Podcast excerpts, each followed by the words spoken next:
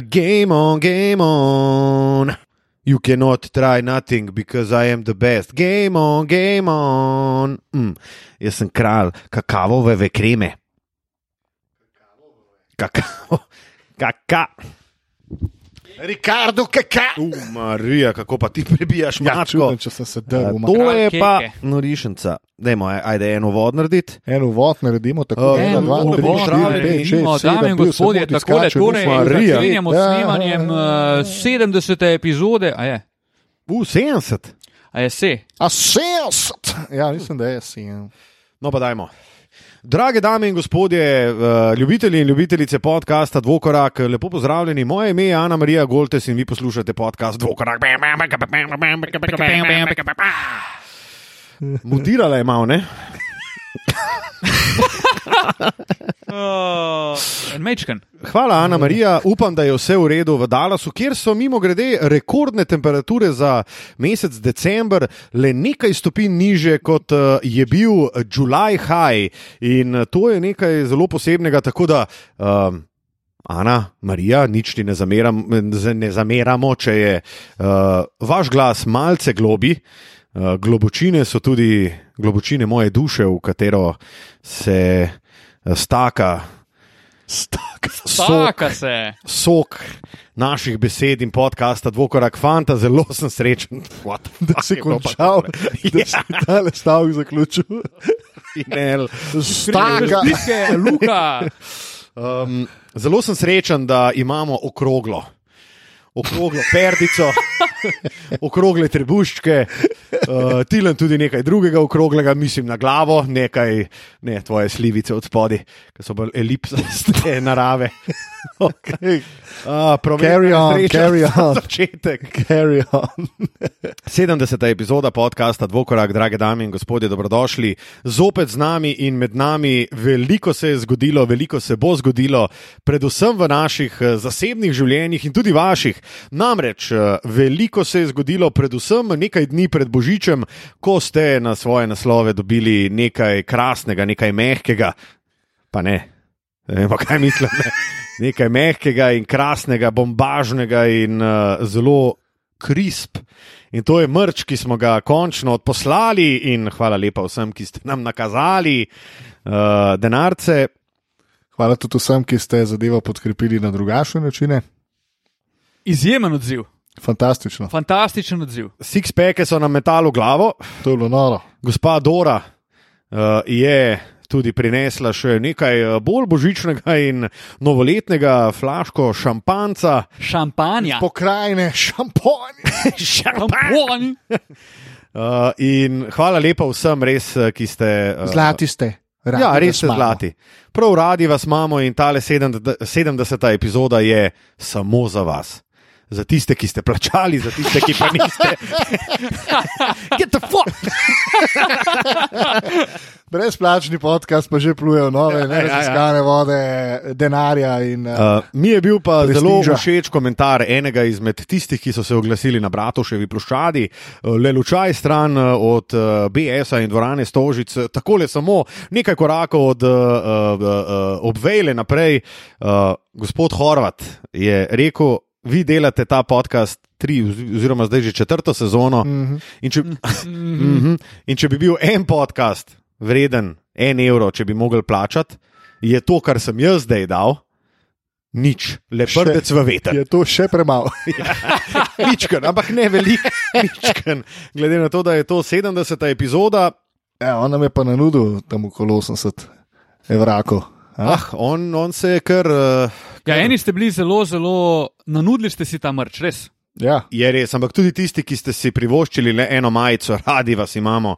Um, Zelo, lep, zelo, zelo lepo je bilo videti vaše fike, se malo podružiti z vami, uh, kakšno spregovoriti, kakšno udariti besedo. besedo. super, super. Um, in to je to. Najlepša vam hvala. Ja. Danes brez eh, sponzorskih obveznosti, um, mislim, da je prav edina sponzorska obveznost, ki jo imamo, je do nas. Da morda še prodamo mrč. Namreč nekaj malega. Lukas je rekel, danes pa ne bom več klical. Ja, ja, ja, ja, ja. Pa upam, da ne bo ta nič rekla, ona dva, pa pom kar Ja, sam na nudo, da ja, pa je to to. Danes je. Nalaš ne lahko povej, da za teden- nalaš nisi poklical. Ne, lahko enkrat ampak- tudi lačni. lej. Ja. Ampak Vrede. res, za Ampak nalaš za nalašč nisem. Ne, za nalaš nisem. Tako. Zato, ker danes. Ostajamo pri enem uspešnem uh, obisku Burek Boxa.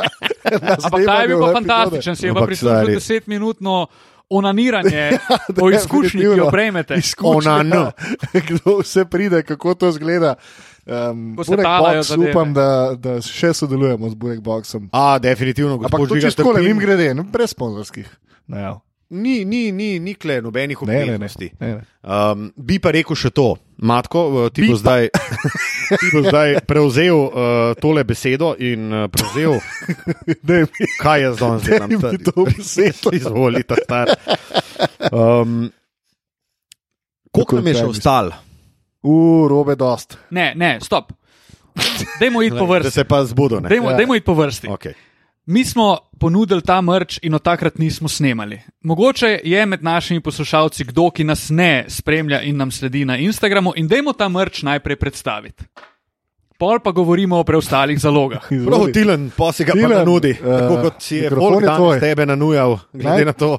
Imamo, imamo uh, dva hudija in dva modela majice s kratkimi rokavi. Zaenkrat vse drži. Tako. Uh, kar nekaj zaloge je že pošlo, ampak še imate priložnost naročiti svojega in si ga zagotoviti. In sicer hudi. Razen če ste debeli, ker jih selo. Ne, imamo pa dvakrat XL, prijatelj. Ja, imamo Sam ne, Hudije, hudije imamo samo še M in L. Tako da dekleta in malce bolj adipozni fantje, kar pokličite. Torej, prvi model hudija, full court. Poglejte na našem Instagramu, kakšne so slike, pa verjamem, da bodo te slike vidne, oziroma modeli vidni tudi na prikazni sliki te 70. jubilejne 70. epizode. Full court, full court. Ne delamo me danes. stari, res. Jaz nisem danes full pripravljen. court je pač igrišče na majici, um, tako le O, horizontalno. Matija, da še malo manj entuzijastično, prosim. Ja, full court je pač tako, imaš tle, ne, na prsih. tako. Kako ti je v bolu, ti je v faco noter. Se upravičujem, Tilan, ker nadaljuje. Uh, Dej bom jaz, ki edini danes lahko kaj zmorem, no se smo Luka, videli daj. že na uvodu. Zmori. Full court je zelo krisp, eh, hudi. eh, S celotnim košarkarskim igriščem in edini hudi, na katerem piše tudi dvokorak. Eh, Kako piše dvokorak, pa preverite na našem Instagram profilu, eh, dvo počrtaj korak. Tako, potem gremo naprej na naslednji hudi. Zdaj me pa je- zanima, če bo Luka prav poimenoval ta hudi. Tudi mene zanima in to je hudi trola. Hudi trola je uh, narejen izpod rok uh, fantastičnega uh, snovalca idej in grafika ter uh, dizajnerja Žige Artnaka, tako kot seveda Full Court. Uh, ampak trola prinaša v vaše življenje nekaj več, nekaj uh, malo drznosti, malo nagajivosti, nekaj malo oranžne barve na levi strani in le trola, uh, to se pravi le črta 724, seveda na levi in desni strani uh, kratka trojka 675, tako je. Uh, in to je uh, nekaj fantastičnega, nekaj, kar potrebujete v vašem življenju. Še nekaj jih imamo na voljo in sicer v M in L velikosti, ampak pohitite. Uh, full court, tudi nekaj še v M in L velikosti, zelo, zelo malo, tako da uh, naročite se na uh, newsletter, Uh. Pika Slovenija, afna.gmail.com.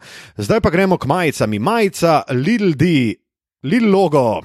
Lil logo. Lil logo, ja. Lil logo je majica, ki morda uh, pomeni uh, to, kar smo mi, osnova, to je temelj. Uh, to se pravi, trojka, iz katere več ali manj vsi zadevamo in to redno, uh, tudi jaz, uh, je v oranžni barvi na beli podlagi, kar pomeni, da je takole korespondenca med obema. Ba Korespondenca.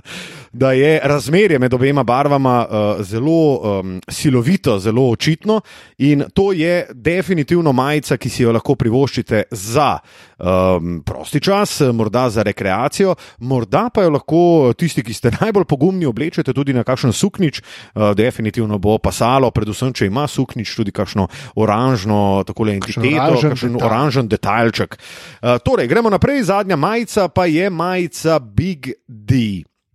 Big D, to je nekaj, kar vsi posedujemo v tej sobi. Ne vem, če vi doma, drage dame in gospodje, mislim, dame definitivno ne. Gospodje. Uh, in Big D je pa uh, majica, ki kriči, kriči na vzven, jaz sem krisp, kupi me, daj me nase. daj naj se drgnem ob tvoje dojke, daj uh, popek, hočem tvoj popek, drgni se vame in to je definitivno majica, ki jo vsak Aj, ljubitelj je. košarke eh, in vsak ljubitelj takole eh, prostega sloga, vsak ljubitelj eh, takole eh, življenja na prostem in lifestyla mora imeti. Imamo jih še v vseh velikostih, razen v velikosti, v vseh velikostih. Prav. Matko, Big D majica, manjka XR. Samo XL, to se pravi tisti zares adipozni, to se pravi že malo morbidno, debeli, kaj ne. Uh, dva X- Pičku. Uh, 2XL je še na voljo L in M, in to so naše uh, kreacije, kreacije Žigartnaka, kreacije ne na zadnje tiskarne Gajkom. Gajkom, kreacija tudi uh, ne na zadnje GLS-a, ki vam bo to dostavil domov naravnost na vašo. Faco. Takole, torej, kupite uh, majice po 19 evrov, O, 3 takšen evre poštnina je, in uh, vem. hudi 44 evrov. Ja, drago, ampak se splača, plus poštnina 3 evre, uh, lahko so vaši. Dobite jih, imejte jih, imejte jih tudi radi. Hvala. Luka, tole je bil pa spektakularen monolog in veseli me, da sem bil uh, morbiden, uh, strašno kako, nezainteresiran. Morbidno debel. Uh, tako da hvala, ker si prevzel in uh, postregel s tole fantastično zadevo. Prav, prav. A Ker nehamo. Ja, v bistvu, v bistvu smo To je povedali. point te shit, 70. epizode. Ne, veš kaj, veš kaj, veš kaj še point. Kako sta fanta? Dobro. Jaz sem si rezerviral izlet v Čile. Povej več, matko. Uuu, Bombe! Povej več. Povem, v Čile Ja, kam grem. greš, Santiago de Chile, greš Kam morda- greš v Čile? je, letim v Čile preko letališča Johna F. Kennedyja. Oh, New York, New York. Ja, pa se tam PCR testiram in odidem uh, v Torres del Paine, v naravni park na jugu Čila. Zelo, zelo lepo. Ja, Kdaj pa zapuščaš domovino? 7. februarja. Oh. Oh, torej za svoj Matko, rojstni dan, pa ti rojstni eh, dan? praznuješ. Za svoj rojstni dan grem. 10. februarja sicer praznujem. Torej bomo praznovali petega. Ne, glede na to, da ide ponavadi moj rojstni dan pozabiti. sem Jaz ga nisem nikoli. Stari, tole pa tale kondomček na glavi. Sem rekel, sem rekel letos vas rešim teh težav, pa ker grem. Pa. Ja, prav, zamislil sem si, da bi bil letos za rojstni dan odsoten. In uspelo je. Out of office. Če imaš denar, se da. Hvala, ne rečem. Super, jaz sem vesel za te, Matija. Hvala, dvakrat, hvala. Pred sabo sem namreč žobil enega tubija, ki nam ga je nanudil eden izmed poslušalcev, prevzemu krispijade. Ja, Um, tako ja, tako. pogrešali te bomo, za koliko časa pa greš? Za, mislim, da vse skupaj nanese ene 8 tednov. Ja, zdaj bo delana. 16 dni. Maja sem nazaj. 16 dni, to je zelo lep uh, zalogaj dnevov. Mislim, da sem 16 dan že nazaj Aha, okay. končam s tem zalogajem. Um, bo šel, uh, to je to, uh, glede na to, da so Čile, uh, mislim, Da da, je da, po, da je Čile, pardon, uf, grdo, da je Zelo Čile grdo. po uh, obali oziroma po zahodnji obali. Tako je. Uh, Južna ena izmed Amerika. najdaljših, uh, najdaljših držav. Ne? 4000 km približno, kot da bi šel iz? Skandinavije do Maroka. Ah, no, vidiš. Ha, ti rečeš. No, vidiš. Uh, Koliko bom jaz naredil? Ja. Ja, inače jaz v bistvu grem iz uh, zgornjega dela sredine Čilov. Aha, ja, Santiago de Chile, tam. Ja. Čila, ja, letim pol z letalom na čist na jug, v bistvu. O, lepo. To se pravi, že Na eno izmed najjužnejših uh, točk. Ja, arktične ne, ima zdaj poletje. Pa Je pa Arktika tam že tudi- blizu Ušvaja. Mm, Ne vem, zakaj že. Ne, Je kako Arktika že na najvišje? severu ali na Arktika jugu? je na severu, Antarktika je pa dol. Potem ne boš pri Ne bo- Arktiki, ampak no, boš pri saj Antarktiki. Konec koncev je ista stvar, kar se temperatur tiče. Led, sneg pa brez ajega. Um, mojem, zelo, naj, zelo dobro. najjužneje zaenkrat. Ampak tam, tam z Novo Zelandijo, tam sem bil tudi dosti nizko. Mm. A veš, da sem midva um, prejšnjo pomlad uh, z mojo drago Tejo sva razmišljala, da bi šla v Čile Vem. in bova zelo hvaležna, Luka, če vem, boš rabiš.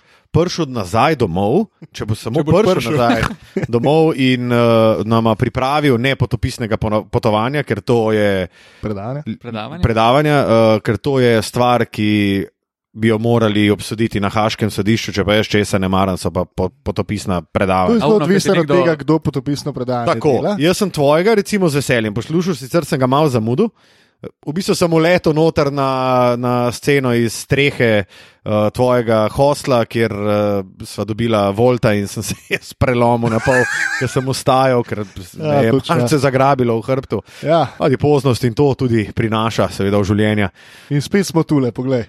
Da, uh, in prosim, prosim za velik feedback. Uh, Ja, dobiš. Jaz grem je sicer v Čilu? malo južneje, no, lej. ampak um, Se veš, kultura, ljudje, jezik in tako naprej, eh, to, kar prinaša obisk eh, tuje države. tako da večinoma bom na jugu, pa si bom na nudu še dva dni tam gor Santiago.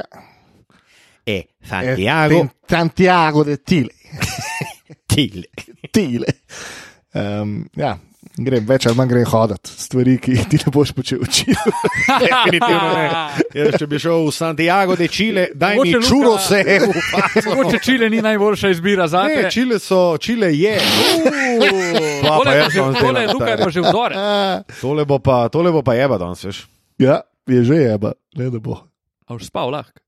Jaz se mojim mentorjem se iskreno pravičujem iz osnovne šole, Nada Rupnik iz srednje šole, Mateja Žagar uh, iz Marija. Faksa, Monika Kalingolob in seveda izvala 200. Ne, se, se hecam. Uh, Grdo. grdo, govorim, ampak uh, vseeno, Matko, zelo sem vesel, da greš Tudi ja. tja, kamor želiš. Hvala lepa. Tilen, Jaz sem fantastična. mi dva, mi dva gre pa v litijo, pizda. Od ljudi je do čateža mogoče. A, Tako je z vlakom, tako je se malo zapeljati. Drungo, drungo, drungo, drungo, drungo, drungo, drungo. To ne dela vlaka. ne. Tako ne dela vlak. Ja. Dela malo drongo, drongo. drongo, drongo, drongo, drongo. Pa veš, zakaj rupa ta vlak, ki se voziš? A, to je bil že punčline. Ne, ne, to je vprašanje. A Ja, k- k- Zakaj je rupa ta vlak, ki se Ko vozi? se voziš? Ja. Ja. Jaz sem mislil, ker si rekel, ker se voziš. Pač. Ko se vozi? Zelo na prvo žogo. Ne, ne vem, zakaj. Ja, kakšna je ploščina kroga? Ploščina misliš. Prej čile v množini, zdaj boš pa tle ne mu na glasu lovil. Ploščina, ploščina, kakorkoli. Ja. Veš, o čem govorim. No? Da, da, vem. Ja. Ne veš, ne. PR kvadrat in pol ta kvadrat. Ne. Ej, Šalotresec. Wow. Tam le Wow. dead joke. Uh, DAD in DEAD. Um, Presekala me je, mogel sem jo deliti. Ja. Tilen. Fantastično. To, da je tvoja faca cela Posrana. potopljena v keko.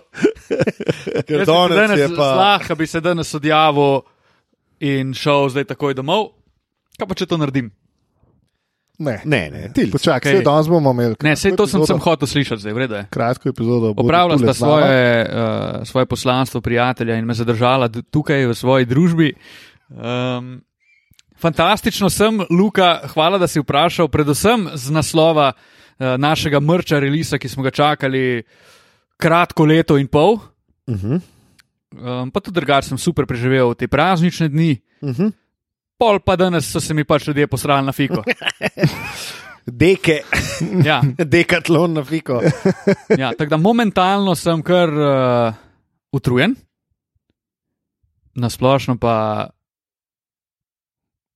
fantastično. Tilnom sta tudi preživela uh, božiček. Kako je, Nimam kako, tega. Kako je Ne, ne, drugo res, besedo? sem, res sem iskal, pa ni, ni šlo, ni šlo, res. Ni šlo, ne zmorem. Nič za to. Tukaj Vsak pa te človek. podprejo. Pa to je zelo pomembna tematika, ampak vsak človek se mora zavedati, da ne zmore vsega. In to je zelo pomembno. Ne glede na to, kako vam eh, atleti in eh, profesionalni športniki govorijo, vse je mogoče, anything is possible. Ne, ni. Ne, fucking ni. Če jaz, lej, jaz recimo dam en zelo banalen primer. Dej.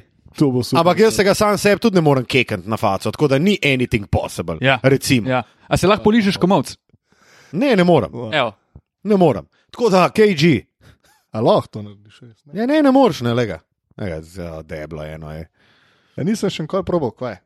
Ne, se pravi. Ne moreš. A lahko daš oba komovčka skupaj, veš, kaj mislim. Ha? Dajmo, matko, dajmo na nud.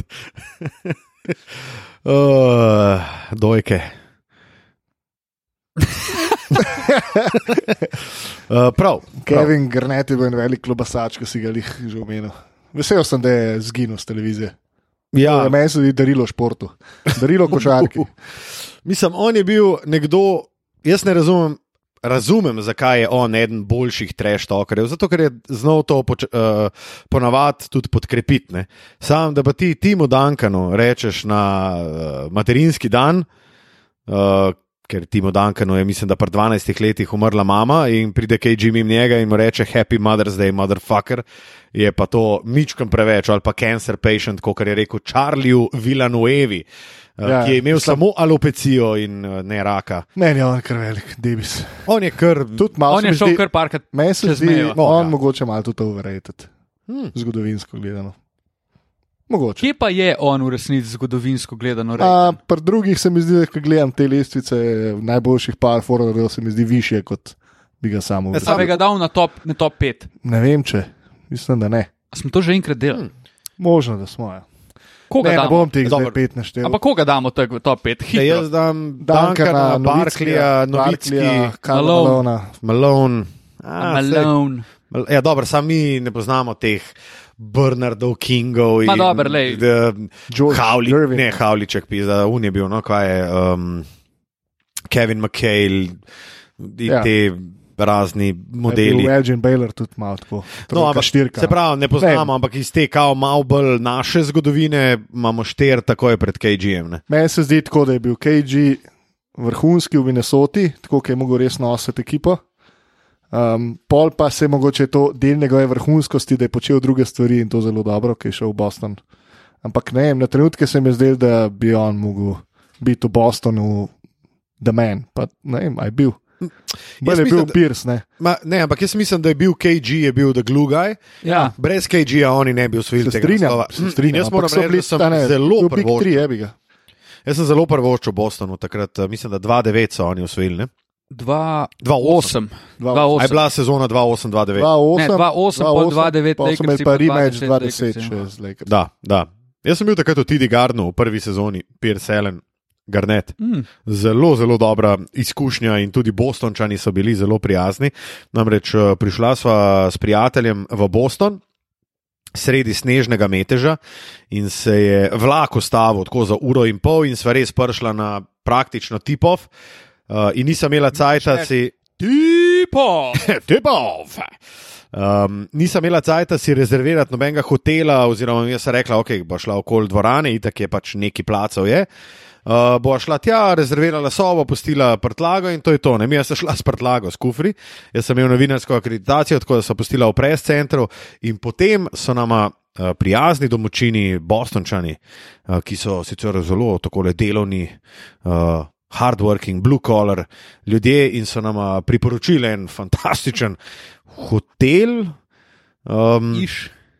hoteliš, soba je imela, po mojem, 60 kvadratov, ampak eh, soba, v tej sobi pa so definitivno tudi američani. Oziroma, bostončani nekoga umorili, ker to je bilo pa umazano, stari, to je bila pa umazanija, tak, par excellence. Uh, tako da, ja, zanimiva anekdota, tako iz Bostona, iz Zvezdne države, Massachusetts, le lučaj, hm, nima veze.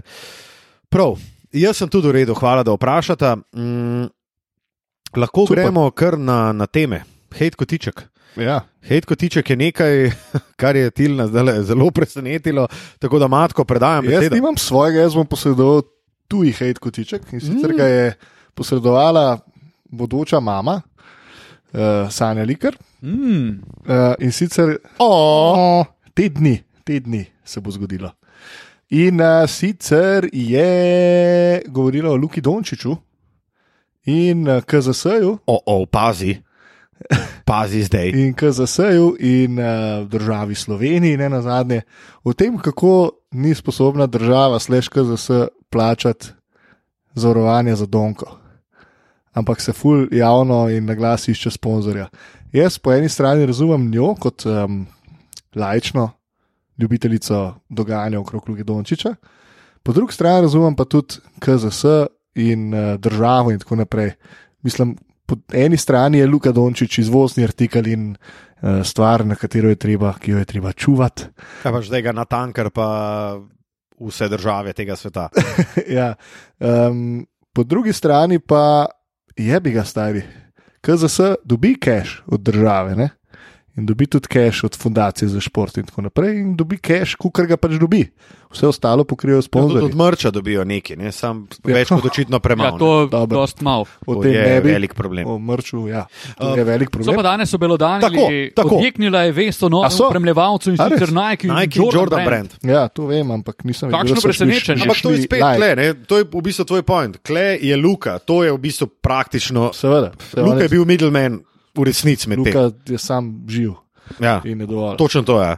In to, da mi ne izkoriščamo luke, je lahko tudi poseben um, hate kotiček, ampak izkoriščati. Uh, V dobrem smislu. v dobrem smislu in na pozitiven način. Ne ga zdaj dajati na vse, kar je na copatega dajati in tako naprej, ampak dajmo ga porabiti za stvari, ki uh, so pomembne v Sloveniji. Ma dajmo ga uporabiti za take stvari, ki bi vsak normalen človek tak Ma, dajmo ga porabiti. uporabil. Mečken, mečken, Stari en vikend je bil zdaj na primorskem, ne? Ma Mečken je tako. vidmarjeva, da le ven udarila tvoje. je res? Ja, ja. Mm, Moje tam, če ja. Mm, Zanimivo. Ma dajmo ga porabiti. Eh, v glavnem, ja. Po eni strani razumem, Mulj spuhem pašte, ne? Ej. po eni strani razumem Mulo. da pač se mora najti sponzor, ki bo to pokril, po drugi strani pa tudi bi mogla Slovenija mogoče za to kar poskrbeti. Morda Mogoče, pa, mogoče. morda pa Burek Box in Pelico združita moči. Ja, Pa še zavarujeta mi- Luko še Dončića. mi te milijone, ki bomo zaslužili od mrča, To je to, stari. lahko. Lej, vse za Luko in za slovensko košarko in za prepoznavnost naše male državice. Čudovite. Mogoče pa sam uh, ne morem razbrati iz teh tvojih besed in besednih zvez, kaj točno je tvoj hate. Uh, jaz sem ga samo predal njen hejt. A se pravi, Torej, da hejta- nihče ona- za to ne poskrbi, ampak morajo zdaj, ker se javno na glas iskati uh, sponzora, ki bo plačal to zavarovalnino. Ne, prav, prav. Mi- Mislim. Ampak to Imam je. še enega, imam še To je, svojega. bil, ne, to je bil problem tudi recimo pri um, pr nekaterih košarkarjih, eh, predvsem v španski reprezentanci, mislim, da je bil ene parkrat problem, ampak vedno je problem, ki se ga da rešiti. Problemi so zato, da se rešijo. Eh, Kot smo že prej dejali, vse je mogoče, anything is possible. Uh, Anything is possible! kar v bistvu ni, ampak uh, Kva se vrtimo. okrog. vrtimo se, stari, danes v začaranem krogu, že Ja, jaz imam še 27 minut. Jaz imam še en hejt, ki ni povezan s košarko. Da mi gre najbolj na živce folk, ker nekdo napiše na Facebook, kamorkoli, hvala za lepe želje in spomni. Oh, komentar. ja, ja. Vedno vse najboljše. Stari, ta vlak je V redu je. Nehi, evi ga zafokusi. Manj si zafokus, če si tih. Greš naprej z življenjem in ko srečaš, re, rečeš, a smo ti rojsten dan, fakt, pozabil sem ti vožiti. Stokrat bolj, da tam napišeš spodaj, un se je zahvalil, to je pretekli čas, gotovo, Gotovo je. je. On pa spodaj vse najboljše. A, tudi z Pol, moje ko En to strani. objavil, se, skr, se pa se Pa posuje. po možnosti še kak stiker zraven. Stiker pa vse z malimi. Absolutno. Pa par Čama. pikic pa vejc zraven. kva bi jih tepo, res. Take pa tepo. Tako da ne, ne tega delati. Naši posluša, poslušalci vemo, da ste pametnejši Da. in da tega ne počnete, če slučajno se vam je kdaj zgodilo. Če kdaj slučajno prsti pobegnejo po tipkovnici, Naj bo ta glas Matija Kosmača. tako. Zgrabite jih z drugo roko ali pa s tretjo. Wow. Wow. Uh, Jaz imam mogoče še nekaj. Pa, Dej, da, dej, stari dej, model dej, si je dej, na dej, nutro, dej. pizda. Rok je raj, je raj, na je rok je raj. No, zadnjič smo ga imeli, oziroma ga nismo poimensko, smo ga vacla, smo ga klicali, ampak se mu je fajn zdel, tako da zdaj ga očitno lahko tudi rok je raj. Rok je raj, Ja. za poge 42. No, glavno, zadnjič smo, Ponudo še njegov naslov. zadnjič smo govorili o uh, tem, kako so ga guzili na pregledu. Super. No, pol je šel pa še na en pregled in sicer za neko materino znamenje, ki ga je imel pa tle, tle nek na recimo, spodnjem delu trebuha, malo bolj na boku, nekaj takega. In je on prišel tja in je rekel, da se mu pač to materino znamenje malo veča. ne. In da ga mogoče malo skrbi. Seveda, vprašanje, gospod, koliko ste se pa vi kaj izredili za ta čas? In seveda, materino znamenje raste Ja, ja. skupaj z njegovim skupaj z njegovim žuljem. Ampak zdaj, ker sem to povedal, moramo zapeti njegovo pesem, tako da bi sam rekel: Hej, what's love got to do? Got to do with it. Ej, ej. What's love? With a second hand emotion. Roke, ja. What's love got to do? Got to do with it.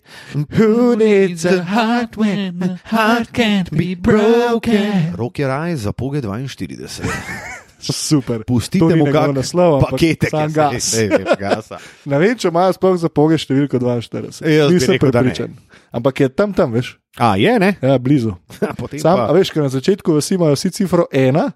In vsi hočejo imeti enko, a ne? in pol imaš ena, F, ena, J, štehenke. Tega, tega tudi jaz ne razumem. Ja, zato, ker se Evo, to je moj hejt, stari. Zato, ker- Zakaj? Zakaj, stari? Zakaj imaš zraven enke A, B, C, D, Pa, E, F, priklopnik, stari? eh, ti ne namut. Zakaj, zakaj ljudje razumel. od kmetov kupujejo parcele in potem dajo svojo številko ABCD? Sprda se pa. Štiri, štiri stvari bom danes povedal, pa iz šestih stvari se bo Lukaš ocin sprdal. Ja, Ne, res, zakaj, ne štekam, ne, ne razumem. Pa zdaj se eno drugo cifro, kam vezem? Bodi unikat. Naj bo tvoja hiša unikat, tako kot si sam. Prav neverjetno. Ne moram verjeti, res ne. Um, a to je to, od A Imaš še kakšen hejt? Ne, to je to, zdaj sprazno sem. E, Luka Luka ima hejt? ampak Luka se javlja trenutno iz toalete. Ja. Luka, le vprašanje se pora, ali je Luka trenutno v sedečem ali stoječem položaju. Jasno je, da izloča, to je jasno. Eh, Žal ni jasno, Kaj? skozi katero uh, svojo odprtino izloča. Ta je tuber, ki je dosti zanač, tako da mogoče, mogoče izloča skozi Tubi. nosto tubi. Ja, tam pa košarkarski klub Tübingen. Jaz nimam hejta. Ja, prav. Po mojem bi marsikaj znal povedati slabega. Luka, hu, hu, hu. Nimam pa. Jasno je tudi, da je Luka vse tisto, kar je počel, počel s spuščenimi hlačami, Hej! ker uh, namenjajo nekaj več prostora za dihanje, žulju, A ki je še ga se Luka nosi s naštekam sabo. več. Stari, jaz sem te hlače kupil pred enim letom. In te hlače sem jaz lagano zaprl. Jo dal na četrto luknjo na pasu in to je bilo to, star. Jaz sem bil srečen cel dan, udobno, mm. uh, zelo mm. fantastično. Mm. um, Zdaj si pa- kot uničrnci, stari med podcasti. Mm. Mm, je, je, je. Mm. Zdaj pa opažam uh, zelo zanimiv tak, uh, ko bi rekel, biološki eksperiment na sebi. Tvoje Opažam telo v tak, zadnje da- čase je velik biološki eksperiment. Definitivno, definitivno stari. Uh, Transformacije, ki jih doživlja, so off the chart. rekel bom sam, da ko bomo pri epizodi 9-7, bomo tudi pri moji kilažine. Sveti Kristus, Jezus, znaš. jaz sem pa stolo udaril, zadnjič. A si stolo udaril? Ja, A, a, um, nisem ponosen. kar sem hotel reči, je, da opažam, ko me lulat. Moram dati uh, pas iz četrte luknje na tretjo, in potem, ko se uščijem, ga dam nazaj na četrto. To je meni zelo, zelo čudno. Mislim, razumem pač človeško fizionomijo in uh, biologijo, nasploh, da pač ja, mehurje Ti ga malo zategneš. stari. Zategne mi ga na četrto luknjo na pasu, veš kako stari. če bi šel, karikiram, če Da. bi šel na stran, Da, pravi na enko, da, bi ne, te na dvojko.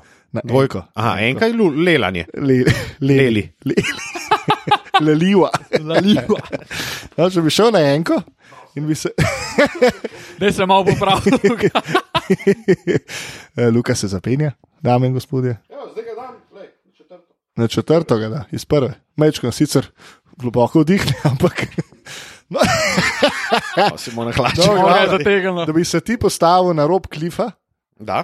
in bi pas vzel ven iz hlač. Ja. Ali pa ne, samo od, odprl bi Bautaro. Ne? Kaj pa Bautara? Bautara je tale zadeva, šlic. A, šelč. A, Ja. Dobro. No, bi to odprl, bi dal svojega knedla čuno ven. ven. ne. In bi pas zategnil na peto luknjo, misliš, da bi full nesel. A, to bi pa bili svetovni rekordi. Bavtara ena, ej. To je zagotovo debata, zaradi katere prisluhnete podkastu Dvokorak. Le, vsi imajo COVID, noben ne igra, jebi ga. E, to je to. Kontent je treba kreirati. Ja. Danes v bistvu o basketu bo bore, bore malo. Imamo ogromno vprašanj. Super, potem bomo pa danes odgovarjali na vprašanja. Tako. Jaz, jaz bi samo uh, rad daj. uh, podal še svoj hejt, kot tiče zelo na hitro.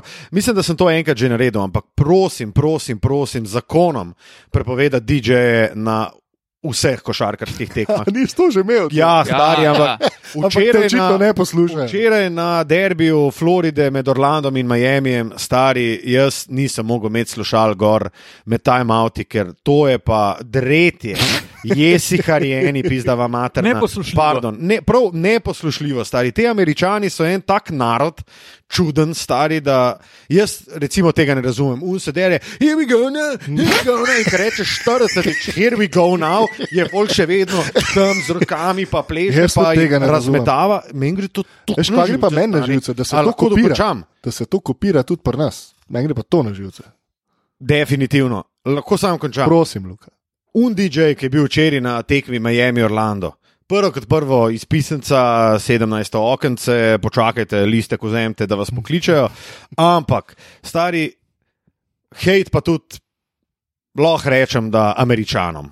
Američani so, kot, kot, kot sem rekel, nek čuden, čuden, da ne rečem, kaj drugega narod. Oni, kaj oni delajo? Oni so vodljivi. Oni dajo, oni dajo, Ja, oni res. Ne, oni jejo fucking cheeseburgerje, pa hodijo na tekme, kjer so, Kjer jejo cheeseburgerje. kjer jejo cheesebu- če- cheeseburgerje, Cheeseburger. um, vozijo neumne avtomobile.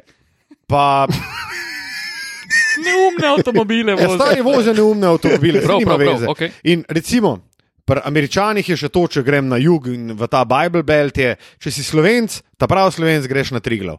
Če si američan, ta pravi američan tam z juga, ti je všeč tvoja sestrična. Pa štir moj, in vsi v faco zgledajo, stari, kada pogledajo svojo sestro, pa rečejo, hm, kar kul.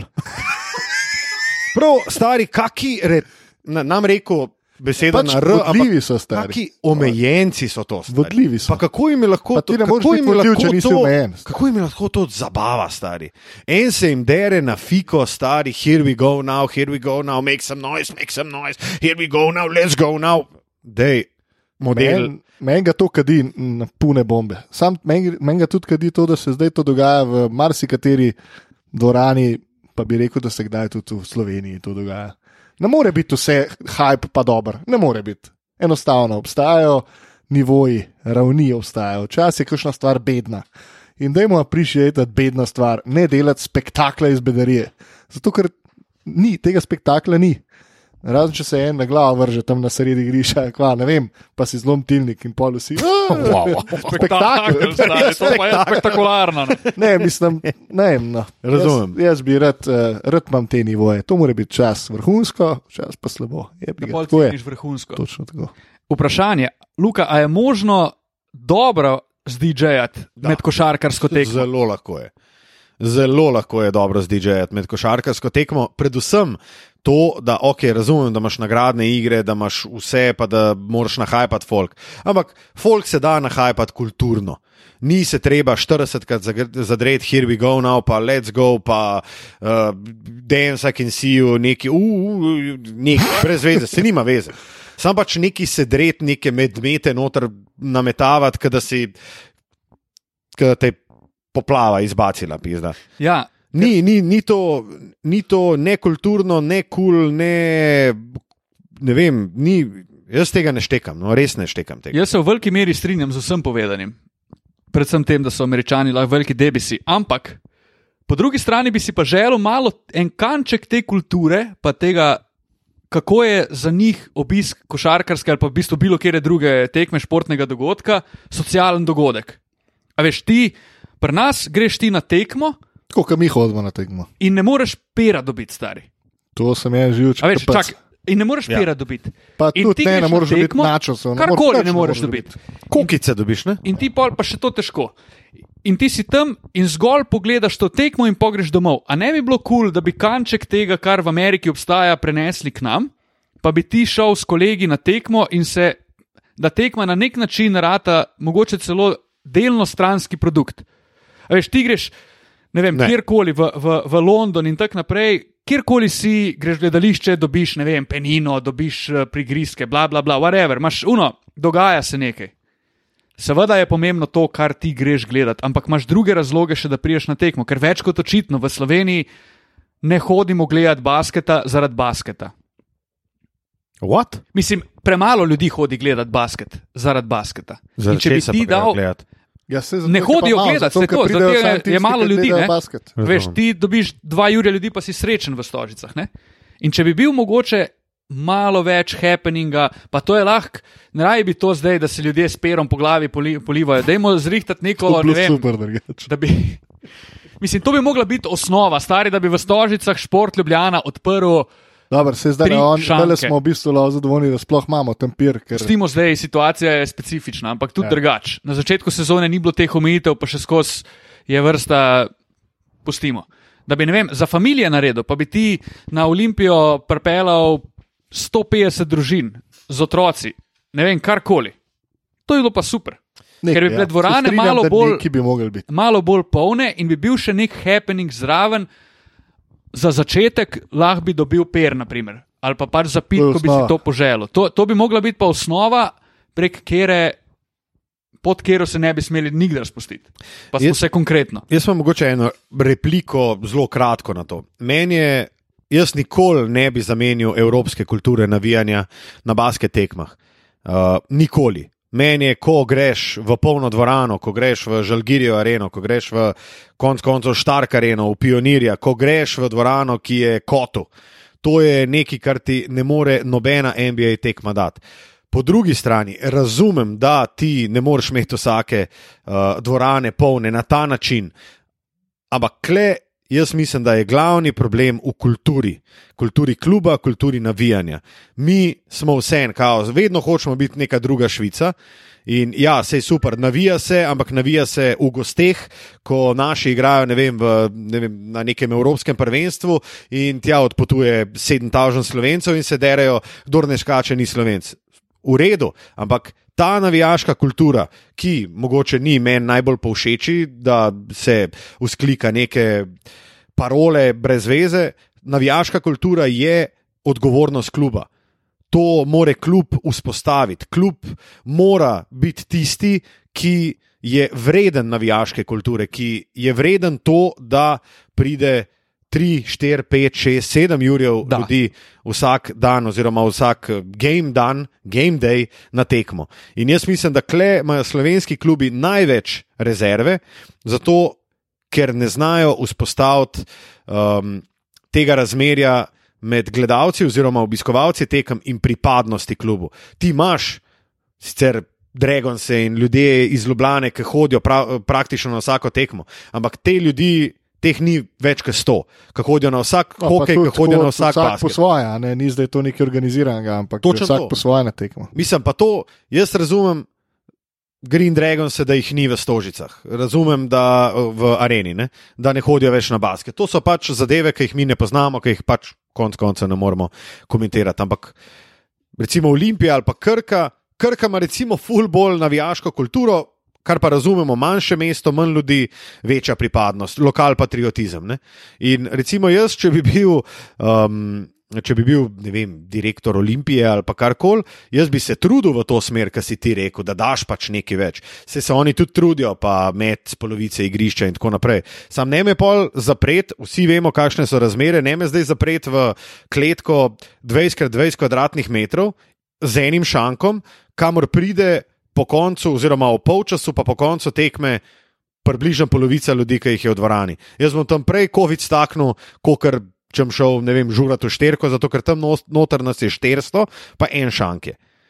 Dajmo, dajmo najti rešitev, ki bo ugajala vsem gledalcem, organizaciji, pa da bo to še monetarno vzdržno, oziroma da ne bo klub, uh, klub bankrotiral zaradi tega. In recimo Nemci imajo pač to kulturo. Gremo na klobaso, gremo se družiti, pelem svojega sina, hči, gremo gledati futbal, vse je. Razmeroma kulturno, imaš pa sektorje za navijače, kar ima vsak. Pa tudi basket, štadion. ne sem futbol. Ne? Ja. Pa, ja, in basket. A veš, mi, se, mi smo hodili fucking na Olimpijo, ki je bila slaba. Ja. Mi smo hodili na, ok, so igrali v Euroligi, ampak kadili so praktično vse, kar so imeli za skaditi. Ampak smo hodili tja, zato ker je bilo zanimivo. Pusti teh tri, štiri kepe ljudi, ki pridejo, ki so, ki so fanboji rezultatov, ne pa ekipe. Ne? In kle, kle je toliko manevrskega prostora, toliko nekih načinov, ki bi ti lahko naredil. Tako da prosim, dvokorak.slovenija, afna.gmail.com, klubi, ki imate težave z obiskanostjo, pokličite nas, se. pa bomo, pa bomo zapolnili en sektor 101. Tako, Ja. Zelo na kratko. Ne? hotel sem reči, to je mojih pet centov kot uh, Slavko Jerič. Jaz bi sam rekel, da jaz sem, nisem presenečen, da je na teh tekmah lige NBA, kot si jih ti delal v zadnjem obdobju, pa tudi ti tilč, da si folk baše čize in eh, je nahajpan, ko se nekdo dere na sredini igrišča. Ko boš gledal, stari. Jaz sem mogoče tri tekme letos pržgal, pa nisem bil te sreče, da bi pogledal eno, da bi odprl tekmo, bi si rekel, tole je pa dober. Stari, tam se 60 tekem na urednem delu odigra tok za brezveze. Tok za brezveze. In meni je NBA po kvaliteti, o tem, kar govorimo, zakaj tudi jaz Evrope ne bi menil, pa evropske kulture. Nikoli, zato ker je tam 60 tekem, ki, ki grejo bulo, stari, ki jih brez veze, ker tudi če jih ne bi bilo. In, in mi ni všeč produkt NBA. V zadnjih letih mi sploh ni všeč. Mislim, jaz bi rekel, da je Razumem NBA, pa, zakaj NBA je tako. ful bolj zanimiv, kot kar mogoče ti govoriš. Razumem, da si gledal tri tekme in da so bile nezanimive, ampak se vsi vemo, da gradualno napreduje. Napreduje ja. ta stvar. Vse vemo, da so Ma, na začetku oktobra in novembra slabe tekme. Pet let se že pogovarjamo, kako bo februarja full bol. In vsakič ugotovimo že pet let, da februarja ni čist než drugače. Jaz bi rekel, da se najboljši basket igra med 15. decembrom in 15. marcem. Ali pa Stari. 1. februarjem ali pa 15. februarjem. Te, te tri meseci, to je najboljši basket, ki ga lahko dobiš. Zato, ker so vsi so noter, vsi so v ritmu, vsi že vidijo približen, kje bojo, ok, ekipe, ki tenkajo, tenkajo, une ekipe, ki se Saj borijo. zato, Teh je vse tega? manj, ampak lani smo se pogovarjali, da je tega vse manj, zaradi tega play in turnirja, stari. Lani se je to solidno rešilo. Ja, ampak to, kar je zdaj Luka rekel, je- to, kar je zdaj Luka rekel, imaš štiri do pet ekip, ki so se praktično decembra odločile, ok, ne moremo. Ne? Ajde. In teh štiri, pet ekip na vsaki konferenci, ne, to je osem ekip, katerih tekme so v 75 odstotkih meni osebno za pogled grozne. Tu malo gledaš ta basket, stari uni, belaufajo gor pa dol, nobena organizacija, neč žogo, da je unmu, ki je kao najboljši in polu neki reš, mogoče ima na koncu celo triple double in v statistiki to zgleda super. A če si tekmo gledal, je ugotovil, da je bil tak šodar. da Ja, dobro, sem, to je bilo bil. isto v 90-ih. Ampak Je ti bilo- Se govoriš, strinjam, se strinjam. govoriš za Pač imaš NBA, šoder ekipe. Ja, ki ne morejo priti Produkt zraven. trenutno ni všeč. Ti In govoriš o štekam- produktu NBA-ja košarkarsko. Tako je, ja, samo košarkarska kvaliteta. To- To... Zato mi je jasno, zakaj moraš ti v dvorani imeti hamburgerje, um, zakaj mora biti ta kultura bolj na strani druženja, kot na strani košarke. Malo je true basket fanov tam, valjda so, se je dvorana velika za 20 ur ljudi, ampak tega razmerje je v Evropi dosti večje in se popolnoma strinjam s tabo, kulture ne menjam nikoli. Mislim, jaz navijaške kulture v Lifeu ne bi zamenjal za ameriško. To je enkrat ena, to se tudi ne bi, to bi treba zakonom prepovedati, da se slučajno kdaj ne zgodi. Ampak v smislu tega socializinga bi pa lahko naredili več. Kar se tiče produkta NBA, je košarkarsko mogoče res ni na nivoju, ampak NBA celokupno kot produkt, v končni fazi Ne, NBA to- je biznis. Biznis je fantastičen. je, je Biznis je zakon, pizda. gospodarstvo To, da se- in da se to, je, to pa cveti. Točno to, to se strani, jaz ne. čist strinjam. Eno jaz vprašanje jaz mogoče. sem prepričan, da če bi bilo pol manj tekem, bi, bilo, bi bil košarkarski produkt dosti boljši. Je pa res, da si izgubil 40 priložnosti, na katerih bi fajn zaslužil. Ja, ker Mislim, 40 priložnosti na ekipo. Ja, ja. Ja, ker še Znači, ti. to pomeni polovica, znači to pomeni Ja, na mestu polovica 2 cele Jurija lige. 360 tekem, pomeni to Jurija Ja, 150 tekem. Sej simpel računica, se, se strinjam. Pa vsaka tekma ti prinese milijo do dve, Ja, ja, ne, če imaš ljudje še- razprodano v rednem delu. V večini play-offu ti pa skozi 3-4. razprodajajo ekipe. v ja, dvorane. uh, dvorane, ja, itak. Eno vprašanje mogoče. A se spomnite, definitivno se spomnite, Broze Basket. Ja. Nemška ekipa, ki je imela dvorano za 4 jurje, eh, za 4 jurje ljudi, imeli so 4 kepe vsakič. In vsakmu so dali roke une Ja, ja, ja. pizdarje in so klak, klak. Ja, ja. Ti si imel na koncu tekme Brozeja, si imel, ti si hodil v ritmu, ki so oni Ja, ploskali itak, s temi. ne. Kako, kako to narediti, kako to prevesti v Slovenijo? Bro, ok, Broze, manjša ekipa, kot je. Pa, mislim, pa Bro- dosti veliko mesto, konc koncev. Ja, pa ampak drugačna ekipa, navijaška jo kultura. mirno lahko dal obok. Uh, obok Olimpije, takrat, ko je igrala, uh, ko je Broze igral v Euroligi. Ne? Zakaj ima Broze vedno 4 ure, zakaj, ima on, zakaj imajo oni prodanih tok uh, sezonskih vstopnic, pa zakaj jih recimo Olimpija nima, uh, ali pa ne vem, vse konc koncev gledaš. Budučnost, pa gledaš, ne vem, Igokejo, pa gledaš Cibono. Pa zakaj te, zakaj te ekipe, a smo mi bom dal res samo pomislek. Pa smo res mi pa taki fanboji? To je moje Pa vprašanje. bo Tilan pol nadaljeval, verjeten. Jaz mislim, da je en velik razlog tudi v pripadnosti, ki ga imamo mi do države. Ne. Um, in tle enostavno ni zaupanja med nekom, ki te stvari pelje in se pojavlja v javnosti, in ljudmi, ki to stvar gledajo. Tle ni Pavlius Motjejunas, recimo v Žalgirisu. On je CSK, ne vem, če ste slišali. CSK je po unih petih zaporednih porazih, ki jih je imel, naredil tiskovko na sredi igrišča, kjer so vprašanja postavljali vsi, ki so bili v dvorani. Se pravi, povabili so kogarkoli, kdo je želel prijeti, kdo je imel kakršno koli vprašanje. Tam je bil predsednik Vatutin, tam je bil Itudis in tam sta bila še dva igralca. In oni so ti dali mikrofon in si ti rekel, ne, mene pa mod, da se v klubu dogaja to pa to. Jaz mislim, da v Sloveniji večina klubov ni sposobna narediti, se ni sposobna povezati s tistimi, s katerimi bi se mogla, tisti, ki bi to stvar mogli podpirati, s tem, da pridejo na tribuno in plačajo vstopnico. In to je nek del tudi navijaške kulture, konec koncev. Zato, ker ti na koncu prideš samo zaradi rezultata, ker te ekipa ne zanima, ker tle ni, ni persone, kot je bil zmago Sagadin. Vem, da ga skozi mečemo naprej, sam je bi ga najlažji, pri, najlažji primer. Ampak zmago je bil ljudski človek. Jaz sem prepričan, da če si ti zmagal, tako je bil on največji car v Sloveniji, če si ga ti na ulici ustavil, jaz ga stavil, da si vzel tri minute zate. Ja, tudi se, po mojem, v Sloveniji ne zavedamo, da mi, mi na šport še skozi gledamo kot hobi, ne pa kot gospodarsko dejavnost. A veš, mi ne znamo monetizirati športa, mi ne vemo, kaj šport v resnici v finančnem smislu pomeni, temu primerno tudi uh, država finančno zelo šibko podpira šport in ko se pol vedno imam rad kulturo, nimam nič proti njej, ampak ko se kultura primerja s športom, je to povsem neprimerljivo, zaradi tega, ker kultura neprimerljivo več keša že zdaj dobi, pa ga bi tudi najverjetneje mogla več. Ampak šport bi ga pa neprimerljivo s tem, kar dobiva zdaj, več mogel dobiti. To je prva stvar. Po drugi strani pa mi imamo velik potencial, ki je neizkoriščen v smislu sodelovanja med klubi in njihovimi sponzorji in aktivacijami, ki bi lahko pripeljale ljudi v dvorano.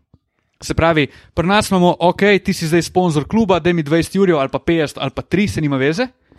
In ti se boš z logotipom pojavljal tam, in tebi je to dost. To je napaka in to je napaka ne. pri sponzorju, tako je na to je- začetku, zato ker ne dela, gospodar, ne dela Tako. gospodarno s svojim imenom, ampak ga sam da cash. To je res, ampak hkrati je pa to mogoče še večja napaka kluba. Ker No, ja, itak. to, kar smo govorili, ne, kar je Luka, pa ti si tudi omenil. Klub ne dela dost, klubi ne delajo dost za to, da bi se povezali z ljudmi. In tu gre v večini primerov za enosmerno komunikacijo. Mi tebi sporočimo, kdaj je tekma, ti se pa odloči, če boš prišel ali ne. Mi več ne bomo ene stvari naredili za to, da bi ti prišel. En met za pet jurjev iz sredine igrišča, sorry, ljudi ne bo prepričal, in tudi to ni dost, ker ljudje hočejo več, hočejo nek, nek pristen odnos, to, da so involvirani na nek način. Kar je CSK naredil, to je tak mogoče tudi nerealen primer za večino, ampak super primer po drugi strani, kako se pač stvarem dela, če ti je res nekaj do tega, da te ljudje podpirajo in ljudje, ki plačujejo karte, zato da pridejo na tekmo. Da jih tudi najbrž kaj zanima in če imaš ti slabe, podpoprečne uh, rezultate, da ne izpolnjuješ pričakovanj, pač moraš dati neke odgovore tudi ljudstvu. Vsak rečemo, ne. odgovarja v življenju za svoje podpoprečno dejanje. In, in tu je, po mojem, največji potencial, da bi se približali enemu broze basketu, da bi imeli na Olimpiji, pa če bi Olimpija imela vsako tekmo 5000 ljudi, gladi brado, stari. A veš, da bi ti, ampak to je Olimpija izgubila, ne vem, deset let nazaj. Mm. In deset teh izgubljenih deset let ti ne moreš vrniti v eni sezoni. Ti moraš postopoma delati na tem, da bodo ljudje prišli nazaj. A gre Olimpija v pravo smer? delno gre, ampak nisem pa siguren, če ima plan, kako to nadgraditi in narediti več kot to, da imaš zdaj ti kapital, s katerim, s katerim lahko sestaviš igralsko konkurenčno ekipo, ker treba narediti več na marketingu, na PR-ju, na. Ne, ne, ne PR-ju v slabem, mislim, v tem slabem smislu, ampak pač promociji ogleda tekme dogajanju tam, razlogom, da se ti povezuješ, ker Olimpija ni. Na, lju- ljudje na Olimpijo gledajo kot lokalno stvar. To ni, Olimpija ni lokalna stvar. Olimpija je edini relevanten mednarodno gledano slovenski košarkarski klub, dolgoročno zgodovinsko gledano. In na Olimpijo bodo ljudje hodili iz Murske sobote, iz Črnomla, iz Jesenic ali pa iz Izole, če bo Olimpija dobra. Ker vedno smo hodili in tudi sem prepričan, da vedno bi. Ampak enostavno nimaš enega razloga. In jaz se z mojim nekdanjim trenerjem nedavno pogovarjal ne? in je hotel priti na uh, neki Inder, Virtus. In je rekel: Imel sem super plan, da pridem na Virtus, pač super ekipa, Belineli, Teodosič bi hotel te fante priti pogledat. In pol je imela Olimpija un padec rezultatov. Ne? In je rekel: Ne bom prišel, ker jaz si želim priti pogledat ne nujno Virtus, pa nekega tujca, ki bo igral zdaj na tem igrišču, ampak hočem konkurenčno Olimpijo priti pogledat zaradi njih, ki igrajo z dobrim nasprotnikom, ne pa sem zaradi tekmeca. Se pravi, da ti ne napolniš sem dvorane zaradi tega, ker je prišel en Belineli ali pa Teodosič pilat, ampak da priješ zaradi domače ekipe. Ne? Sam to pač pomeni, da so ljudje fanboji, ko so uspehi prijem gledati, zato ker je Olimpija konkurenčna. Imaš take, definitivno. Ko ni rezultatov, pač nisi tam. Se- to recimo je- ni, mislim, se to je problem Pač velike večine klubov, kjer koli. delno odvisen od rezultata. In sploh glede na to, kakšna rupa so bili predolgo, pač še nekaj cajta najverjetneje boš. Ampak se pa moraš truditi, da po drugi strani, kot je rekel nedavno tudi Sani Večerovič v enem izmed pogovorov, da pač moraš enkrat tekmo dobiti, ko pride folk gledat. Ne pa da ti zvabiš tri ure ljudi na FMP, puhneš. Zvabiš štiri ure ljudi, ne vem koliko jih je bilo, zadar, ne, ja. na, na, na zadar pa puhneš, pa zvabiš pet jurjev, na, a ni bilo pet jurjev, na budučnost pa spet puhneš. Pač eno tako moraš dobiti in slejko prej moraš tudi redno začeti zmagovati. Ampak potencijalo je pa v Sloveniji, po moje, ogromno, da bi prišli do neke spodobne, ma ne polnih stožic, ampak na pol, da bi bilo vsako tekmo toliko ljudi, kot jih je bilo na Virtusu, Pa saj v spodnjem ringu, Majka. da, da je polno. Ne. majka. In to je več kot očitno še en uh, dokaz, da uh, trojica podcasta Dvokorak mora narediti za vse tiste, ki ste kupili mrč. Uh, sektor 102 v dvorani Stožicah, uh, v dvorani Stožice, kjer se lahko družimo in um, pospremimo zmago, morda uh, CD-vite Olimpije v Abu Leiji ali pa v Evropskem pokalu. Jaz mislim, da se to enkrat more zgoditi. Res. To je, to je pa recimo, ko sta videla težila z mrčem, bi jaz težil, da mi enkrat naredimo navijaško tribuno, dvokorak in Nujno, da tam razvalimo stožice. Stožice. A naredimo še pet minut evropske A, košarke lahko, ja. za, dom, za domna, wow. Urbana Klaužerja in Gregorja Glasa. Sam Dajmo. jih malo. da ima pa bomo pa še Da nekaj vprašanj naših Ha, super. evo. poslušalcev. Pa smo Ura spet na 15 pet- in Eno 40 izmed, teh, in eno izmed že- teh vprašanj je tudi, dajte pokomentirati kaj naše tam mlade. No, super. Jaz sem urbana delal uh, na Next Generationu, Eurolige, in je tak človek, ki si vzame to, kar misli, da mu pripada. On je igral enko, dvojko, kot je bilo. Um, ni to tipična enka, prenizek je za dvojko, ampak un zmagovalec, ki ga hoče dati in ki je ključen med, si ga bo vzel. In tako, tak poba spravo mentaliteto, in sploh nisem bil presenečen, ker sem videl, da je dal teh 10 pik proti Realu. Tekme nisem gledal, zato ker sem, mislim, da je eno drugo delo v tistem obdobju. Um, ampak tako, res, res hudo, da je pogral priložnost in upam, da ga bo Pablo Laso še opazil. Tako, no, zanimiv igralec, šuterček, ampak lahko je to šuter, ki bo metal nič deset, lahko je pa to šuter, ki ti bo tekmo odločil. Meni se zdi Klaus tak, kot si rekel, upam, da mu bo Pablo Laso dal priložnost. Ne? Ta tekma z desetimi pikami, ne? to je. So, Vsi so pograbili teh deset pik, ali je to naslednji Luka Dončić, fanti, moji, prosim, ne tega delati. Grozen, ja. Ja, to je Ne, skret. Ja. ne niti dajati temu Tudi ni pošteno človeku- do njega. Točno to, ne mu dajati te odgovornosti in tega pritiska, ali je on naslednji Luka Dončić. Ne, ni. Nihče Ni, ne, je ne bo več Luka Dončić nikoli v življenju. ki imam verjetno zelo mogoče in želim mu, da zelo solidno je evropsko sezono. Je pa poba, ki ima, Sezono, če se, bo kariero. tako, ja, če se bo tako razvil, ima najbrž 15 let zafiksirane kariere in to je to, kar. Mislim, človek- lahko mogoče, če bo šlo tako naprej, če bo mal, če bo kakšen centimeter še zrastel, malo napredoval, lahko igra Euroligo, po mojem. Ja, ja. Mislim, pa un mladi, ki lahko zdaj igra Euroligo, je praktično že fiks za NBA draft. Ker Pa- Ja, itak. Pač gor greš Ni- lahko, koliko boš zdaj igral, je druga stvar. mogoče pametno, da bi se za to odločil. Tako, ja, Tako. ja, ja. Mogoče počakati v Evropi, da ga drefen stešnejo. Pa, pač. tako, draft and stash, ja, ja. točno to. um, Gregor Glas je pa druga zgodba. To je Majstore, pa, mislim, da stari že. To je pa, to je pa že nivo. Ne? To so pa že sirene za reprezentanco. Ne? Gregor Glas je pa meni en ljubših posameznikov leta za spremljati, ker ta model jih pa odlamla. In to, kako se ti v parih tekmah dokažeš, pa izkoristiš, da ti žod zda priliko, res vsaka Veš, čas. kaj se vedno znova spomnim, ko smo unga žoca gledali, um, ko, Opatija. ko razlaga o apatiji. Ali imaš In reče, eni igravci pač basket štekajo, Tako. enega pa ne. In ko so videli, da glas skozi dobija priložnost, tudi takrat, ko še ni odlamlo. Ampak to, da ti v taki ekipi, ki je zmetala ne vem koliko denarja od te Euroligaše, da ti dobivaš minutažo, pa tudi če je to pri tvojih 18-19 letih 5 minut, stari, to je 5 minut, ki se bodo kar hitro Mislim, v končni spremenile fazi v 10-15. to pomeni, da več. najboljši evropski trener vseh časov vidi v tebi marsikaj. Ja. Hudo. Zelo dobro. Meni je tudi všeč njegov repertoar. Ja, malo ga je razširil, ne bil je bil tip, ga, tip jo rukne, konkretno, ampak zna the tudi, dribble, iz blokade ven, Ray Allen style, pač cepa jih kot po tekočem traku, po drugi strani ima tudi dober prodor, zna ga dati s pol distance, v končni fazi zna dobro podati, res, res, res, res dober igralec. In da ti v Partizanu na ravni Eurocapa proti eni lokomotivi, naprimer, igraš tu dobro, ki je full kvalitetna ekipa, da pa tudi konstanten je. Ni zdaj, da on da eno tekmo jih 20, drugo tekmo 3 z isto minutažo in tako naprej. On ima konstanten, konstantno produkcijo in Mm. Mhm. Pa tudi to je dobro, ne, da pač se to je tudi posledično dobro za slovenski basket. ne, točno pač. to sem zdaj Ti hotel. imaš, reči. ti imaš človeka, ki se kali pod Željkom Obradovičem, stari.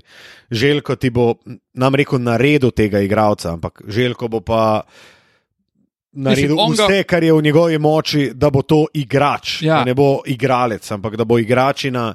In jaz se veselim prihodnosti Gregorja Glasa, res. In ko smo prej za, za Klauža rekli, da mogoče manjka par centi, ne? Gregor Glas ima in centimetre in kilograme. osebnih eh, primerne- izkušenj govoriš, ali a Gregor Glas ima centimetre, rekel si rekel. ne. Rekel, rekel. In kilograme. Dobro, pojmo naprej. Tole vprašanje se mi je zelo dopadlo. Um, strani Sašota. Kakšne so vaše izkušnje s komentiranjem drugih športov? Če jih imate, za štucina, vem, da je del Švicarje. In če ne bi, hot, če ne bi um, mogel komentirati basketa, za kater šport bi se odločil, oziroma kjer ga bi najraje komentiral na naslednjih olimpijskih igrah. Um, no, Luka, Zimskih, ne? Na zimskih, ja. A, zimski. Ja, ja, zimskih, zimskih. A, zimon. Um, Jaz imam tudi s futbolom izkušnje. Ti imaš kar izkušen Jaz s sem nekaj časa delal futbol, Ah. ja. prej sem se čist na basket usmeril in malo mi je bil beden. Za futbol moraš biti drugačen tip komentatorja. Mož biti fusbaler, stari. Pa futbaler moraš biti. Ja. Tudi dojemati moraš šport skozi novinarje, trače Ja, ja, in tako naprej. Um, delal sem kolesarstvo, to bi še delal. Kdaj? Ja, to ni na zimskih olimpijskih, brat. Ja, dobro, dobro, to um, sem delal, pravim, Da, da, govorim da, o mojih ampak- izkušnjah, Luka. Govorim samo, da ne moreš uh, aplicirati na drugo vprašanje. Nisem nič tazga, mislil mat. Ločeno vprašanje o zimskih olimpijskih igrah bo Matija odgovoril kasneje. Odpojko sem delal, rokomet, rokometa nisem delal. Mm, Jaz sem delal to. ameriški futbal.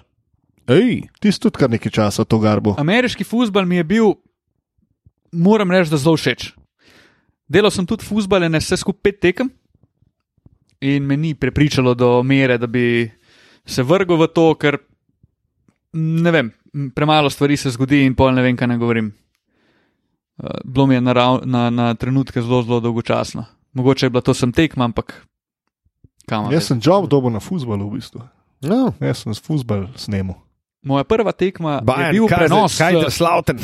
Moja prva tekma na, na, uh, pri nekdanjem delodajalcu na sportklubu je bila Crystal Palace Middlesbrough, Ena Mm. mojih Premier League. prvih je bila pa Kazan, Mm. ba, eh, Kazan Barca, ki je Kazan igral v Ligi prvakov.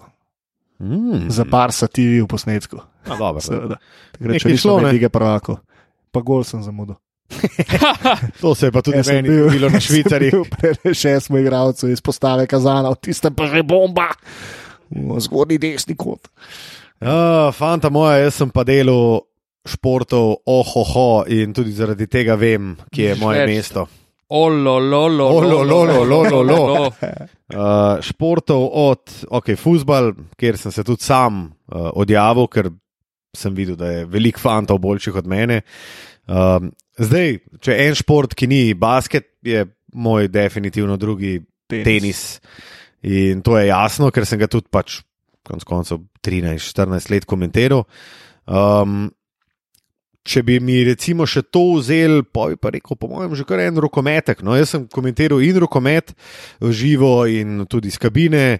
Uh, delal sem tudi uh, par NHL tekem, uh, hokej, ampak to je bilo definitivno preveč, uh, kako bi rekel, kaotično za me, ker sem videl, kdo je gor, je bila trojna menjava in sem bil spet zgubljen še za ene, dve, tri minute in pol, ker sem se. Um, ker sem prišel nazaj, spa, spet dvojna menjava in sem bil pa zgubljen. Hokej jaz najraje ne bi delal. Hokej je težek, težek šport za komentirati in jaz zelo občudujem hokejske komentatorje. Mm, delal sem tri sezone, po mojem, tri leta, sem delal tudi Speedway. Tri To je, pa, to je pa nažiganje levega ovinka na blatu, pa dobre, dobre eh, kako bi rekel, grid girls. Ki so bile tam, pa seveda Niki Pedersen, eh, ki je bil dvakrat svetovni prvak, takrat, ko sem jaz komentiral to. Uh, delal sem pa, recimo, če bi pa izbral najbolj bizaren šport, ki sem ga delal, sicer ga nisem delal v živo, ampak sem ga delal v posnetku, ampak to so bili pa uni uh, fast boats. Oni hitri, Oh. hitri čovni, stari, to je pa, to je pa Je. pišurlija, stari, jaz nisem vedel, kaj govoriti. Nisem vedel, ma Zakon. ene stvari o teh čovnih. Imel sem podatke, koliko je konjev, kdo je, kdo je izdelal ta čovn, kdo so sponzorji, gor dol, stari sam, ker se je pa kaj zgodil, sem bil pa jaz. Lolo, lolo. mrzel sem bil pa sam, olo, lolo, lolo, lo, okoli boje je zavil. Um, No, kaj pa zimski šport? Zimski bi šport, delala. ki bi ga komentiral. Oziroma, rada, pač bi ga delala. Ma, le, jaz, bi delal, jaz bi delal, po mojem, alpsko smutanje, samo zaradi tega, ker je doskrat sprdancija in ker na areni kdaj sedimo, pa gledamo, kakšen slalom, se jaz pač sprdam in tako bi se rad sprdal tudi v živo. Tako da jaz bi rekel alpsko smutanje. Ajde. Jaz pa moj bi tudi rekel alpsko smučanje na koncu. Ko sem bil mehen, me je ful zanimal biatlon, to mi je bilo noro gledati. Sedel sem pred inter, Manuela inter, Vicenta. interšportom, uh, Eurošportom gledal, stari sovražil sem. Pred interšportom. A si predstavljaš, da Ja, sedim pred v interšportom? Sovražil sem tek na smučeh, ampak biatlon mi je bil pa čist hud. Ne vem pa, če bi ga komentiral. Alpsko smučanje je moj pik. Je, je kar tak. Jaz tudi ne bi ne. nič komentiral ja. v bistvu na zimskih olimpijskih igrah, če bi že mogel neki biti te obskurne športe, še en Bob. pa kaj takega. Luž. Ja, Bob, stari, Bob je znal Bob bi bilo zanimiv. po moje zabavno. Tam Bob, bi razlagal unmu, ker. Jamaica Bob sliding team. Ja, tu lepo, moš na zavorah, v Bobu. A, Mislim, moraš vrsti. sploh da povedati, stari, kdo je Vrtnar, strokovnjak, da bo? vrtnar iz eh, Johannesburga, ki se je za Bob odločil, potem, Fucking ko je hell. dobil državljanstvo Norveške. Tako, to bi delal. Ja, dobro, sej, a veš, tam, tam tehnično ful ne moreš povedati. Sej to, je kaj boš tam taktika, rekel? Stari? Tam vidiš, šte- sem, če se nekdo tam zapizdi. Dva modela, dva modela pač, ali pa štirje tečejo dol, kot imajo na štartu. Uli zadnji na štartu. Aj, aj, aj, aj, aj, aj, aj. Stari, to je to. Sej ti ne moreš reči, ti ne vidiš, uh, oni tam prepizdijo 160 km na uro v Vink, ti ne vidiš. A je bila to li, une, linijo vidiš, greš, palijo, vidiš. Ti ne tam, veš, ali je on dober zaviral ali ni, ker ti ne moreš vedeti, ali on, ali on bo 160 ali 157, kar je na koncu razlika. Tako da tam je ja, pač to. Ja, prihaja iz Johannesburga, njegova mama je bila, ne vem, eh, Francozinja. ja, francozi, ki je Poročena izdelovala s- čipke in to. to je to. Ne. Tam bi se lahko sprdal. Igor Evgen Bergand. Luž. Luž. Tako, a imamo še kakšno vprašanje? Tile? Ja, imamo. Prej sem se že hotel navezati na to, kar si začel o tem, kako je NBA beden. Ah, A je vaše mnenje, vajno mnenje, uh, da bi bilo smiselno, recimo, za deset dni prekiniti sezono? Ne. Ne. Zato, ker se oni on the go pre, prekužavajo.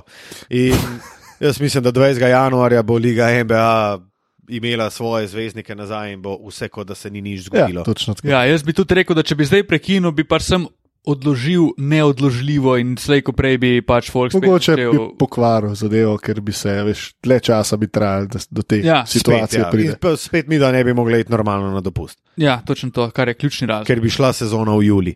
Ja. Uh, moment, da najdem naslednje.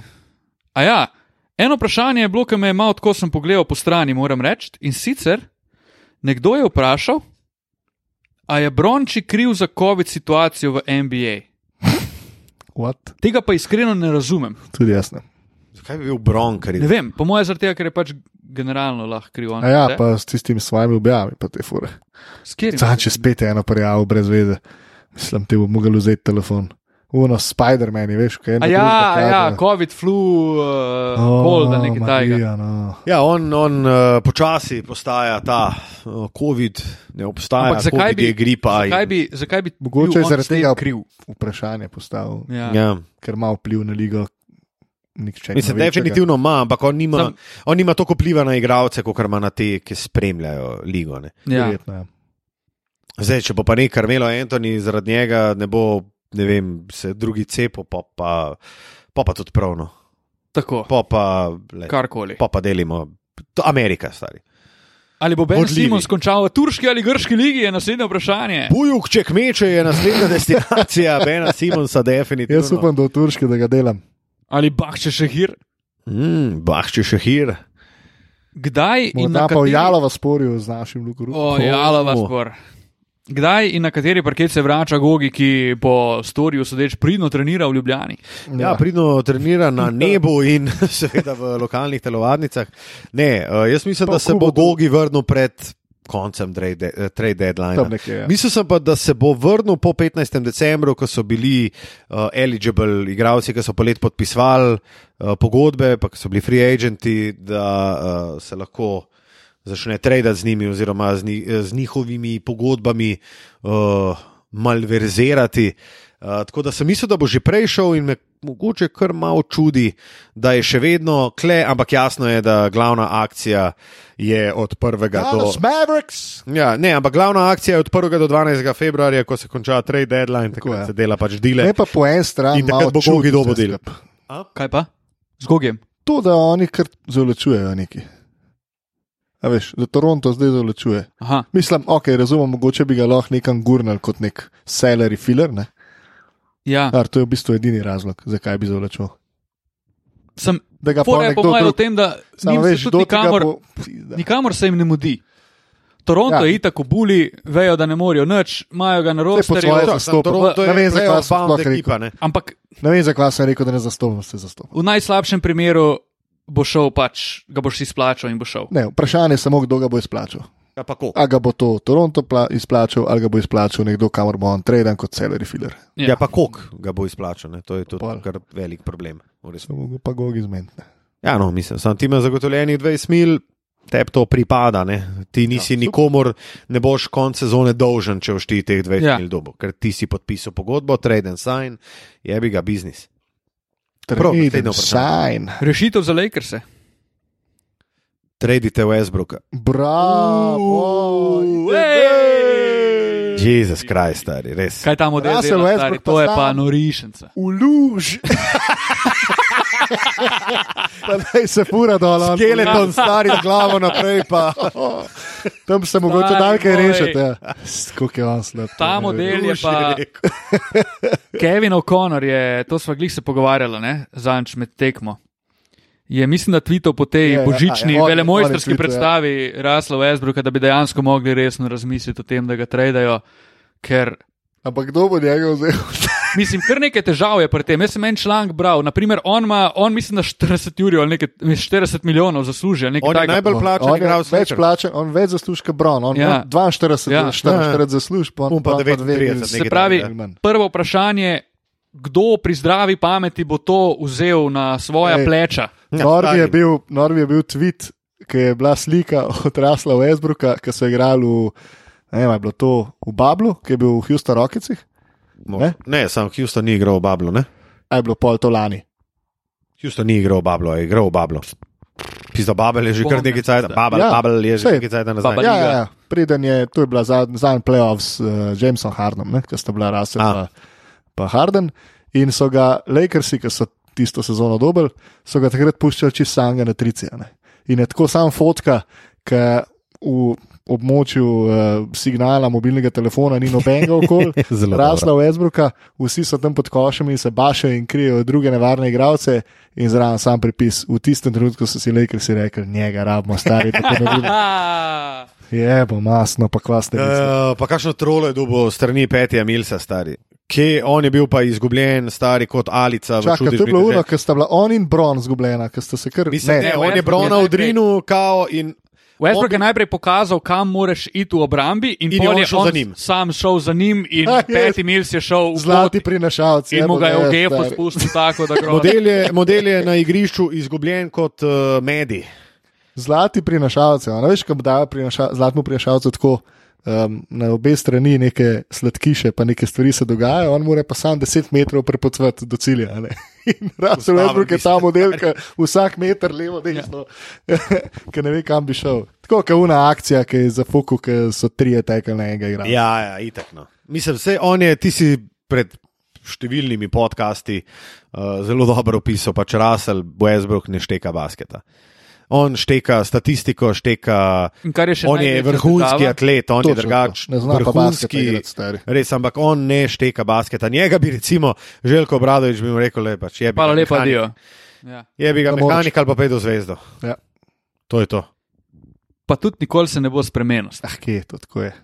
To tako je pred svojih rosnih 32 ali koliko se ima. In ne bo. s Bronom pa Davisom. Mislim, če se ne spremeni v ima res naslednjem, največja šansa za osvojitev naslova po OKC-ju. če se on ne spremeni v naslednjem mesecu, je lahko tudi Dio. In to lahko tudi za veke vekov. Drži.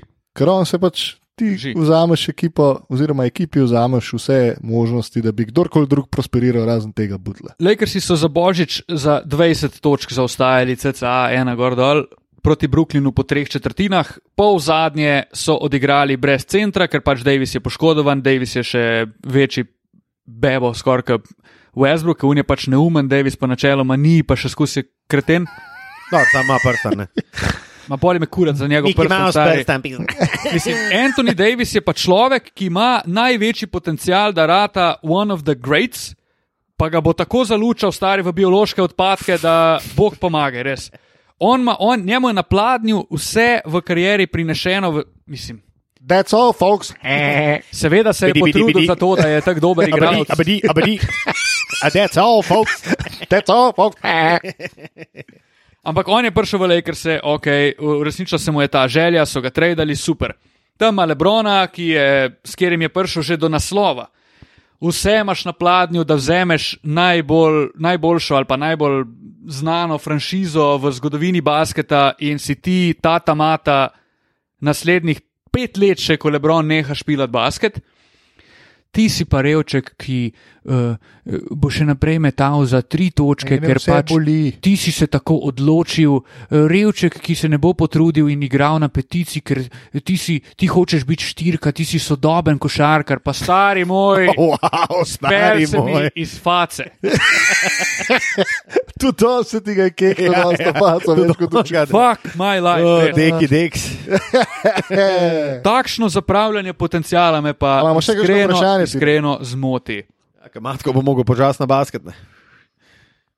Ne, se, se ne mudi toliko, sam. Um, Mislim, imamo še vprašanje, koga Ajde. vidimo v finalu ene in druge konference. In nobenega. Milwaukee, Phoenix, Ja, super. ponovitev. Golden State. Ne, ne, ne, finale A, konference. konference, A. uh, Milwaukee, Brooklyn, Phoenix Golden State. Phoenix, Golden State. Da vidimo, kaj smo zdaj tukaj, kar je naš eh, poslušalec predvidel. Ja, Milwaukee, Brooklyn Mm, kako presenečenje. Wow. in pa Phoenix, Golden State. No, to, kar smo mi rekli, praktično. Ja, to je skrajno nehvaležno za napovedovati. Imam pa še eno vprašanje za Matijo, ker sem ga Luki že zastavil med prenosom na božični dan. Matija, Da. Jutah, a spremljaš kaj? Ne, zelo slabo. Mm. Vem, da je Donovan Mitchell odsoten. to je vse, kar vemo o Utahu. Mislim, da dve tekmi Donovan ne bo. Ni odsoten. Ni od Mislim, da dve tekmi zdaj ne bo igral. No, v glavnem, če ne pa še tega ne vem. Ko smo glih, bili pri uh, favoritih za finale, glede na to, da Jutah igra zgodovinsko najboljši napad, ever, imajo modeli tak 120 pik na 100 posesti. Uh, Škva so oni, stari. Oni No, to so me zanima. taka Atlanta Hawksi. Veš, takrat, ko so harali Atlanta Hawksi z ekipo, ki praktično ni imela zvezdnika. Uh -huh.